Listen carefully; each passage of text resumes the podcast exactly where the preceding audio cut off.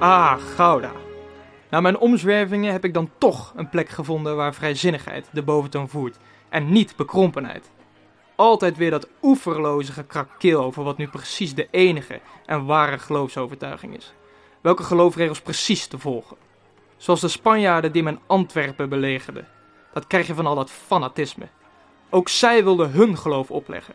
Het moet precies zoals de paus zegt. En niet anders. Of ging het ze eigenlijk gewoon om macht en rijkdom? Schijnheilig gedoe. Hoe dan ook. We wisten wel wat er boven ons hoofd hing. Vreed, zijn ze. Ze plunderen Antwerpen al eens eerder.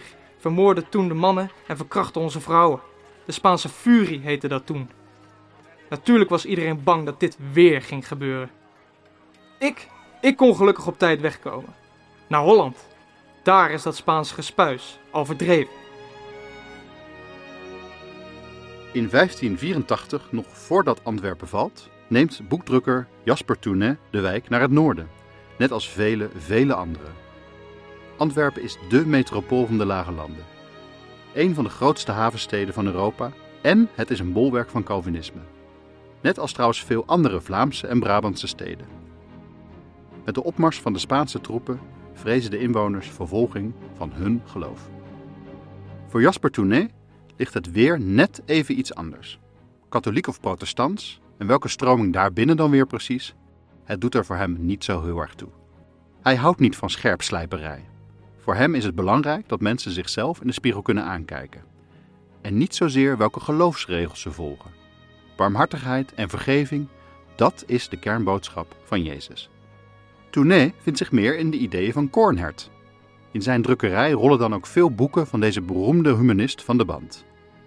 Hierin stelt Kornhert dat mensen zogeheten vrijheid van geweten hebben. Oprecht geloof kan toch niet van buitenaf worden opgelegd? Door welke macht ter wereld dan ook? Oprecht geloof is iets van de mens zelf. Juist dit idee maakt het ook mogelijk dat verschillende geloven naast elkaar kunnen bestaan. Het is in deze tijd een nogal vooruitstrevende gedachte.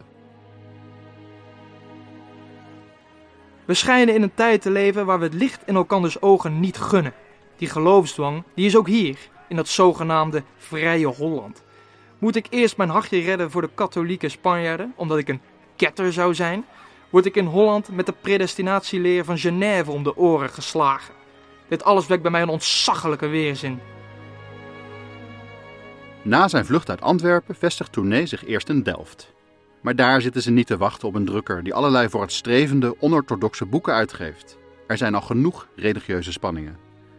Het lijkt dus logisch dat Tournee naar Gouda komt, omdat het stadsbestuur hier bekend staat als vrijzinnig.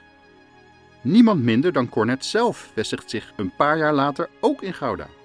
Of is het allemaal veel simpeler en komt Tournee eigenlijk voor de liefde naar hier? Direct bij aankomst trouwt hij namelijk met de Goudse Haasgen.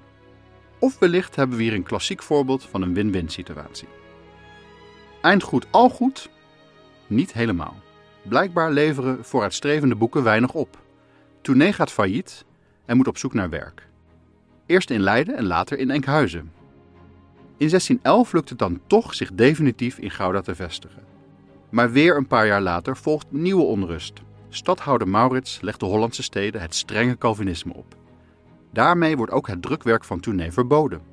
Zijn hele leven al op zoek naar een vrije plek lijkt het weer niet te lukken. Met het uitgeven van poëzie weet Jasper tijdens zijn laatste jaren het hoofd te nauwernood boven water te houden. Tot de pest komt. Tournee overlijdt in 1635, een dag na zijn geliefde Haasgen.